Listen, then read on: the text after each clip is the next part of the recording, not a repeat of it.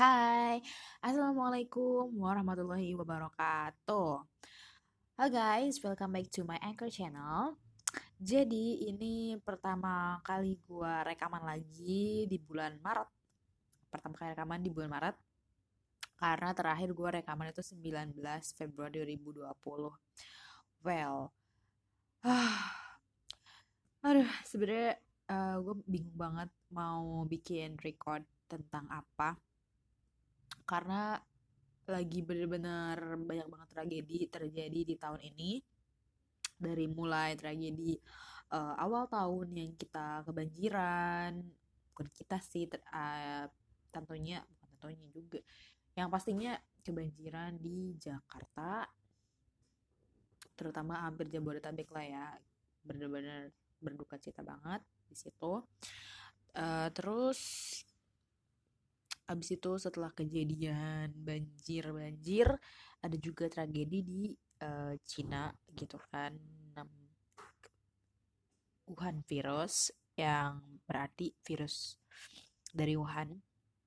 Dan itu virus corona dan sampai akhirnya sekarang um, maybe kalian tahu sendiri ya banyak banget beritanya itu sekarang virus corona sudah menyebar ke negara kita tercinta Indonesia. Nah itu persebarannya tuh awalnya tuh dari Cina kan udah ada desas-desusnya sih kalau nggak salah tuh dari bulan Desember akhir. Terus sampai akhirnya si Januari pokoknya abis banget banjir-banjir tuh tragedi banjir. Ada berita di uh, Wuhan Cina kan di Wuhan Cina uh, apa virus corona gitu kan. Sampai akhirnya di uh, Wuhan itu membuat keputusan untuk lockdown karena benar-benar tingkat penyebaran virusnya ini sangat cepat banget apalagi seperti yang kalian tahu sendiri di Cina itu um, dibilang gila kerja juga sih mungkin ya bisa dibilang kayak gitu sih. Cuman maksudnya orang-orang itu benar-benar wah wah wah wah wah maksudnya kerja kerja kerja kerja yang ya itu pastinya tiap hari orang-orang saling berkerumun orang-orang saling ketemu satu sama uh, dengan yang lain gitu untuk kerja kerja gitu kan apalagi kan tahu sendiri lah Cina itu bener-bener kayak bisa dibilang pusat ekonomi ya sih? Maksudnya karena kan uh, hampir semua barang-barang tuh datang dari Cina gitu kan. Nah sampai akhirnya membuat keputusan untuk lockdown. Dan itu kalau nggak salah terakhir dia udah beres itu Februari akhir ya. Pokoknya sekarang katanya di Cina malah udah beres virus corona. Nah tapi ada berita-berita baru nih. Katanya ada um, virus baru namanya namanya apa ya? Bentar gue cek berita dulu. Nah yang pasti di uh, katanya di Cina sendiri udah udah beres ya si virus corona itu. Oke kita search virus baru virus baru di Cina ya. Nah hantavirus deh kalau nggak salah ya Nih, ini benar-benar berita terbaru banget dari hightechno.com. Virus corona COVID-19 belum selesai, Cina laporkan kasus, vir, kasus virus baru. Jadi ini tuh katanya dari tikus. Eh, uh, disebabkan oleh tikus ya. Oh ya, benar, virus hanta atau hanta virus. Katanya lebih mematikan banget. Uh, ini juga katanya sudah menyebabkan kematian seorang pria asal Yunan Cina hanya dalam beberapa jam setelah dinyatakan positif virus hanta. Sebanyak 32 orang lainnya pun sudah diperiksa dan saat ini dokter tengah menunggu hasil tes mereka. Nah, nah kan lo. Jadi belum belum usai ibaratnya virus corona udah usai di Cina tapi di penyebaran di seluruh dunia itu belum usai gitu dan sekarang mulai dari kemarin tuh sampai udah di Singapura, Malaysia dan sekarang itu Italia sama Indonesia di Iran deh kalau nggak salah juga. Nah di Italia sendiri uh, seperti yang kita banyak ketahui di berita-berita itu juga nah sekarang di Italia lagi menerapkan sistem lockdown seperti di Cina. Uh, cuman katanya masih banyak banget yang bandel. Uh, ya begitulah. Dan sampai katanya udah banyak banget yang meninggal. Dan sampai akhirnya virus uh, itu masuk ke Indonesia sekitaran Maret deh kalau nggak salah. Maret dan sekarang sudah ditetapkan beberapa wilayah di Indonesia sudah terkena zona merah seperti yang pribadi saya ketahui itu saya yang pribadi gue ketahui itu ada di Tangerang Selatan udah zona merah terus juga di Jakarta Barat udah zona merah ya Mari kita coba baca dulu virus corona di Indonesia ya. Persebarannya.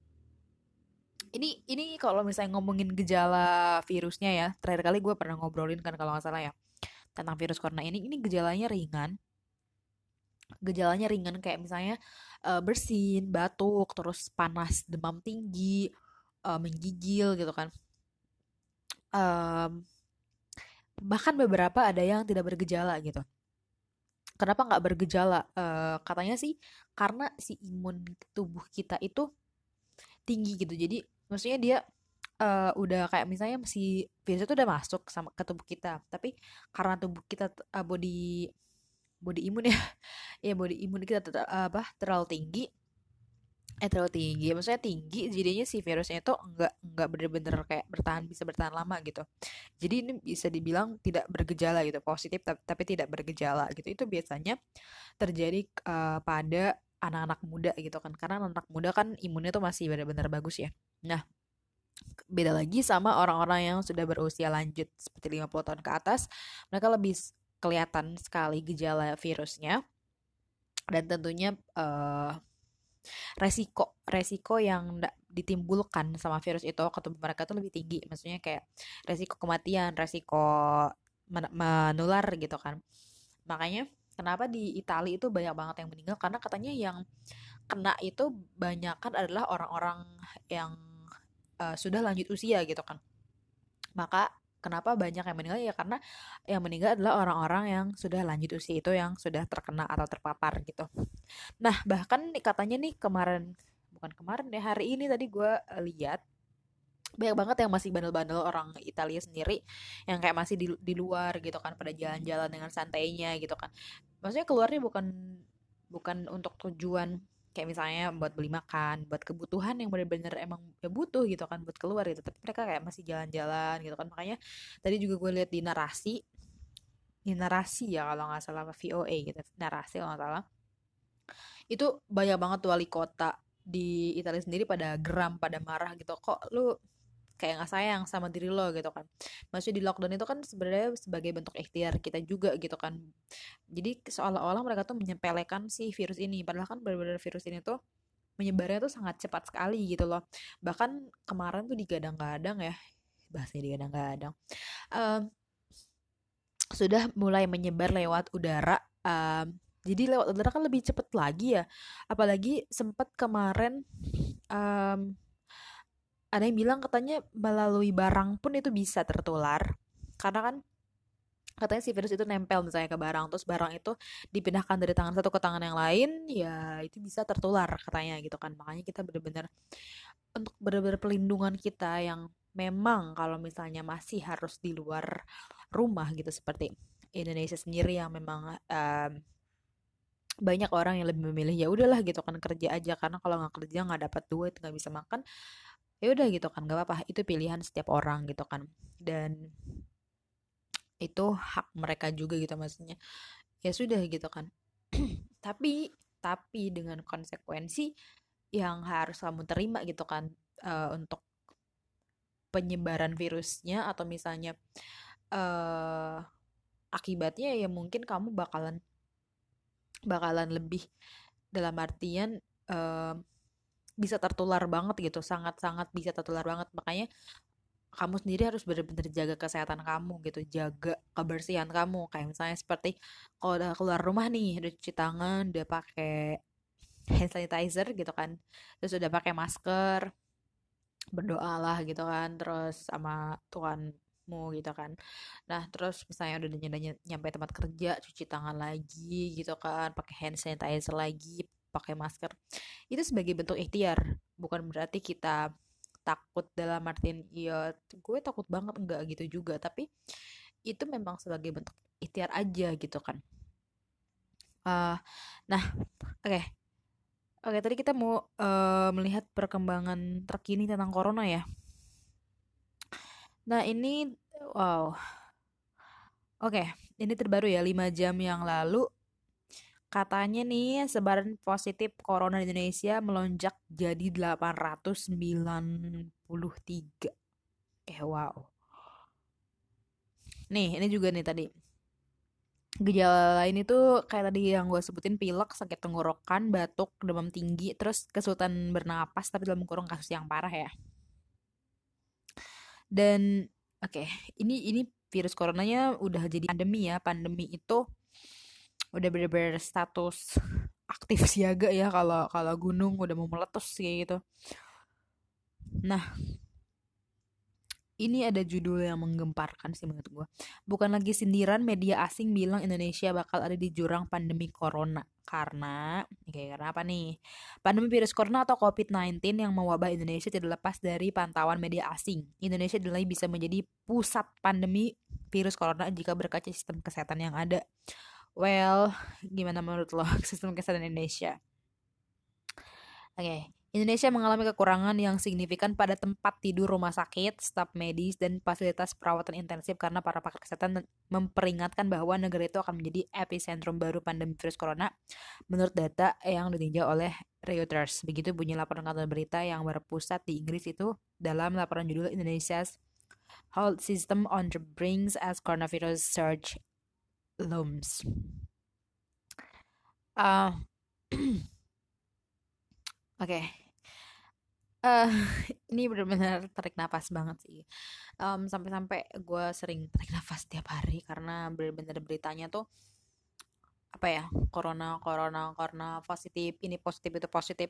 Dan benar-benar banyak banget pro kontra sih memang banyak banget pro kontra. Apalagi di Indonesia kayak misalnya di Indonesia bisa nggak sih menerapkan sistem lockdown gitu kan? Bisa nggak sih? Ya bisa gitu sebenarnya bisa aja menerapkan sistem lockdown cuman orang-orangnya pada mau nggak kalau pakai sistem lockdown gitu kan? Um, sebenarnya orang Indonesia mau mau aja di lockdown gitu kan? Asal asal ya ya kehidupan dia terjamin itu dalam artian ya dia masih bisa makan dia masih bisa ngehidupin orang uh, tua atau keluarganya bisa masih bisa bayar cicilan ini itu bayar kosan bayar kontrakan bayar biaya ini itu gitu kan. Di situ doang gitu kan. Orang Indonesia tuh ya mau gitu kan. Emang siapa sih uh, yang nggak mau uh, apa namanya ya di rumah aja gitu kan. Siapa sih yang nggak mau supaya istirahat aja gitu. Ya kan ini kan sebenarnya buat kayak positifnya kita mikir virus corona itu supaya kita lebih banyak istirahat muhasabah terus benar-benar jaga diri jaga kesehatan terus lebih dekat sama keluarga kita gitu sebenarnya. Nah cuman kan mikirnya di situ gitu kan kalau misalnya di lockdown gitu kan lah terus kita makan dari mana? Gitu. Itu pikiran bagi most of people in Indonesia gitu. Bagi kebanyakan orang di Indonesia gitu kan. Bukannya meremehkan untuk apa karena memang kenyataannya seperti itu gitu kan. Bahkan bagi gue sendiri ya kalau di lockdown ya dari mana kita dapat duit gitu kan? Bukan berarti kita nggak percaya bahwa rezeki itu um, sudah diatur gitu. Enggak enggak gitu. Tapi kan itu sesuatu bentuk ikhtiar gitu. Kalau nggak dari situ di mana lagi? Apalagi kalau misalnya mata pencahariannya ya cuma dari kerja di luar gitu. Dalam artian misalnya hmm, dagang apalagi kan pedagang kaki lima pedagang keliling offline dan lain-lain gitu kan. Bahkan walaupun online pun gitu kan punya karyawan gitu yang karyawan itu ya harus dihidupi gitu. Makanya ini tuh bener-bener lagi kayak tahun krisis gitu lah. Gue jadi teringat tahun 98 yang di mana itu katanya di situ tahun lagi krisis-krisisnya banget.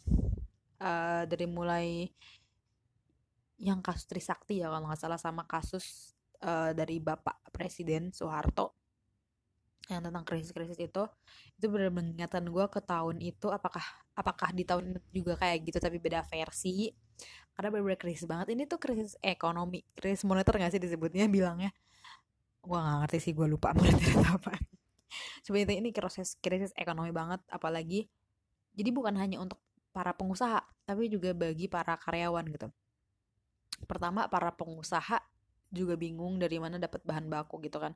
Sekarang gini deh mikirnya Cina nya udah udah berhasil gitu ngelawan virus corona gitu kan. Tapi coronanya malah ke mana-mana nih. Coba kalau misalnya virus coronanya di Cina doang terus um, udah gitu aja selesai gitu virus coronanya berakhir ya mungkin gitu kan um, Cina itu masih bisa supply ke uh, ke luar negeri gitu untuk ekspor lagi barang-barang dia. Karena benar-benar para pengusaha kebanyakan di Indonesia memang mengambilnya uh, dari Cina gitu kan. Kayak misalnya barang-barang entah itu mainan um, intinya rata-rata banyak banget barang yang kita import dari Cina. Dan itu menyebabkan para pengusaha Indonesia yang ngambil dari sini tuh bener-bener wow krisis banget gitu kan.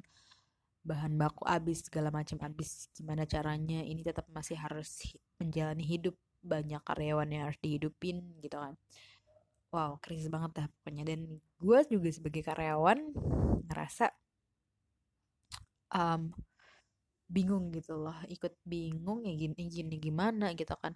Uh, sementara virusnya udah merebak apa wilayah kita udah zona merah dan kita tetap harus masih kerja hmm, sebenarnya mau di rumah aja gitu untuk menghindari banyak hal gitu kan artian untuk menghindari banyak mudorot gitu kan lebih mendapat manfaat. Tapi ah kadang kenyataan itu tidak sesuai dengan harapan kita gitu loh. Jadi ya udah kita ikutin aja saran dari atasan kita gitu kan. Yang harus kita untuk kerja ya sudah gitu kan. Kita tetap terima dengan situasi yang seperti itu tapi kita tetap menjaga diri gitu menjaga kesehatan gitu. Um, yakin gitu dengan ya kita punya Allah kita punya Tuhan kita punya iman dalam hati kita yakin ikhtiar udah gitu kan. Jalanin aja jalanin aja. Kayak gitu. Dan selain dari virus corona ini um, baru aja tadi dapat kabar terbaru juga ibunya presiden kita Insinyur Joko Widodo ibunya meninggal dunia gitu kan. Kayak lagi ini tuh lagi berduka berduka dengan corona gitu dan sekarang ditambah ibunya Joko meninggal dunia itu rasanya kayak wow ini gimana? gitu. Karena itu ibarat duka bagi seluruh rakyat Indonesia juga. Kenapa? Karena kan ya itu presiden kita presiden kita itu lagi mikirin gimana caranya supaya Indonesia tetap uh, dalam jalurnya gitu dalam artian tidak tidak mundur tidak turun gitu ibaratnya kayak gitu. Rodanya harus tetap um, stay di atas gitu gimana caranya kayak gitu. Dan sekarang ya mungkin pikiran dia lagi kacau banget tapi ya sebagai presiden eh kita cuma bisa berdoa ya nah terus juga berita terbarunya adalah 30 hari lagi kita Ramadan. 30 hari lagi kita melakukan ibadah puasa gitu kan. Ibadah wajib puasa. Um, kalau bilang pendapat lu gimana? Pendapat lu gimana? Pendapat gue ya ya udah jalanin aja gitu kan. Mau gimana lagi hmm, kita banyak-banyak berdoa aja. Uh, banyak banget sih sekarang yang bikin kayak donasi terus bikin gerakan-gerakan. Itu menurut gue bagus banget positif banget. Ada juga kayak gue lihat uh, Wirda Mansur yang dia bikin gerakan seribu solawat untuk Indonesia setiap hari. Uh, mau sampai corona berakhir ya tapi semoga setiap hari kita jalanin. Kita mulai dari situ. Coba seribu solawat ya ikutan kalau misalnya lo bingung selawatnya kayak gimana itu selawatnya Allahumma sholli ala Sayyidina Muhammad ya. Itu lo bisa buka channel channel bukan channel ya akun akun Instagram Wirda Mansur di @wirda_mansur buka deh di situ ada. Mungkin di highlight ya. Terus juga dia bikin gerakan W30H yang wakil 30 hari. Itu juga bagus sih. Itu kalian niatkan aja buat Indonesia.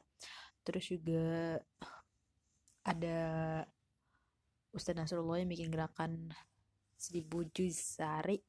Itu sih nggak dikhususkan cuman lo bisa ikutan aja. Jadi lo tinggal pilih aja yang lo bisa. Lo mau baca Quran lo mau baca sholawat baca keduanya juga boleh. Terus lo bisa tahajud juga gerakan tahajud. Kalau bisa ada yang belum buat bilang aja gue yang buat. Ikut gerakan tahajud uh, duha sholat hajat yang itu doanya mudah-mudahan supaya Indonesia um, bisa kembali pulih dan bahkan bisa lebih maju lagi bisa bangkit bisa orang-orangnya bisa sehat-sehat semua. Uh, pokoknya doa-doa yang terbaik aja buat Indonesia dan buat seluruh dunia terutama khususnya buat umat muslimin muslimat di seluruh dunia banyak banget ya gerakan terus juga gerakan donasi donasi. Um, oh ya terus gue juga bener-bener kayak respect sama orang-orang yang di garda terdepan yaitu dokter-dokter, perawat, suster-suster yang membantu untuk virus corona. Dan gue baca sama denger gitu kan. Katanya tuh baju baju yang dipakai tuh yang pas ngurus pasien corona itu katanya harganya berapa tuh? lima ratus ribu ya kalau nggak salah. Setengah juta men. Setengah juta dan katanya itu kalau misalnya udah pakai itu gak boleh makan minum kencing buang air. Pokoknya intinya nggak boleh dibuka si baju itu. Kalau misalnya udah dibuka itu katanya nggak boleh dipakai lagi. Gila nggak? Maksudnya wow. Dan sekarang katanya mereka lagi kekurangan. Jadi kalian bisa ikut berdonasi uh, untuk apa namanya gerakan kayak bantu bantu dokter-dokter itu dan kalian bisa kalau bisa kalian yang nggak punya um, uang materi atau apa segala macam yang nggak bisa bantu kalian bisa bantu untuk tetap di rumah aja tetap stay di rumah aja membantu untuk mengurangi siapa tahu mengurangi ya mengurangi resiko tertularnya virus corona dan resiko terpaparnya virus corona lebih banyak gitu supaya ya dokter-dokter dan suster-suster hanya cukup udah segitu aja deh gitu kan. Jangan banyak-banyak lah orang yang sakitnya gitu kan. Karena dokter sukses suster-suster itu bener-bener resiko tertularnya lebih parah lagi lebih sadis lagi lebih cepat lagi gitu kan. Karena kan ya terus sendiri lah ibaratnya kalau lo ngurus orang sakit lo pasti cepet tertular kan gitu kan. Jadi mereka bener-bener di garda terdepan dan gue bener-bener full respectful banget proud of them gitu kan. Gue bangga banget. Dan makanya gue nggak nggak habis pikir sih kalau misalnya mereka udah misalnya meninggal karena corona itu benar-benar kayak sedih banget gitu kan. Siapa lagi yang ngurus selain dokter? Nggak ada gitu kan. Nah makanya ini juga katanya lagi cari kan obat-obatnya katanya sih udah ada si obatnya itu. Tapi ya masih belum jelas gimana gimana nya mari kita doakan saja supaya Indonesia dan negara-negara lain um, bisa terbebas dari virus corona ini dan bisa menjalani lagi kehidupan dengan um, tentram dan damai gitu kan. Tapi nggak sampai di situ. Maksudnya tentram dan damai kayak gimana? Kita bisa tetap melakukan banyak kebaikan-kebaikan lagi men. Oke okay? jadi kalau udah kayak gini itu satu teguran. Banyak-banyak muhasabah lah diri kalian. Termasuk aku juga dong gitu kan. Ini bener-bener ibaratnya cermin banget lah gitu kan kayak eh gue harus ngaca nih artinya kalau udah, dikasih kayak gini peringatan nih kalau dalam kerjaan SP1 nih gitu kan. Gimana lu hidup nih gitu kan. Banyak dosa apa gimana ceritanya. Oh, udah udah mulai ngelantur ya. Intinya sekarang lagi bulan Syaban dan banyak-banyak lah berpuasa sunnah juga. Itu juga bisa diingatkan untuk membantu doa untuk teman-teman kita saudara-saudara kita yang terkena virus corona dan kepada dokter-dokter kita supaya mereka bisa semangat dalam menjalani um, tugas mereka. Jadi gue tuh kalau misalnya ke dokter ke guru tuh bukan ngomongin tuh bukan kerja tugas gitu. Karena kalau dibilang kerja beda cerita gitu. Ya kalau kerja lu pasti niatnya biasanya buat duit biasanya. Tapi kalau untuk tugas biasanya ya itu sepenuh hati kayak gitu. Tugas mereka kewajiban mereka gitu kan by the way banyak-banyak berpuasa sunnah ya di bulan Syaban ini. Terus yang masih punya uh, utang puasa di tahun kemarin segera segera kodo segera kodo. 30 hari lagi puasa. 30 hari lagi Ramadan. Terus juga aku sambil ngingetin nih ada puasa Yaumul Bid alias puasa tengah-tengah bulan itu di tanggal 6 7 8 April dah kalau nggak salah Oke, bersiap-siap ya. Terus juga kalau misalnya yang mau puasa sunnah, Senin Kamis lebih bagus lagi. Puasa Daud, uh, selang satu hari lebih bagus lagi. Ya, selip-selipin aja dah. Oke deh, itu dulu deh buat hari ini karena hmm, gue cuman galau sama pengen share aja sih ke kalian gitu maksudnya hmm, kalian gimana sih pendapat tentang virus corona ini kalian gimana sih pendapat tentang um, dunia ini pendapat kalian tentang gimana sih ini 30 hari lagi mau menuju Ramadan tapi kita masih kok virus corona ini gimana ceritanya? Well udah banyak kelanturnya but it's okay. Um, oh ya gue tuh sebenarnya pengen banget share ke kalian tentang kayak account atau channel-channel yang harus kalian follow buat sumber inspirasi kalian. Wes banyak banget sih yang mau gue share tapi tar dulu. Ini gue selesaiin yang dulu ya. Ya wes kalau misalnya kalian ah, kalian kalian kalian ada pendapat atau misalnya mau share juga mau curhat juga bolehlah. Kalian bisa tengok-tengok lah bisa tengok.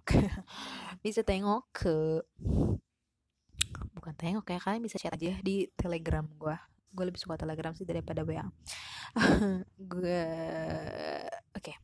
bisa chat ke telegram gue di at lv093 lv093 username-nya. Cari aja ya. Atau kalau bisa kalian yang suka Instagram bisa follow gue bisa follow gue di at lindahouse93 terus kalian bisa message di situ. Nanti pasti gue balas karena gue kalau message-nya cuy.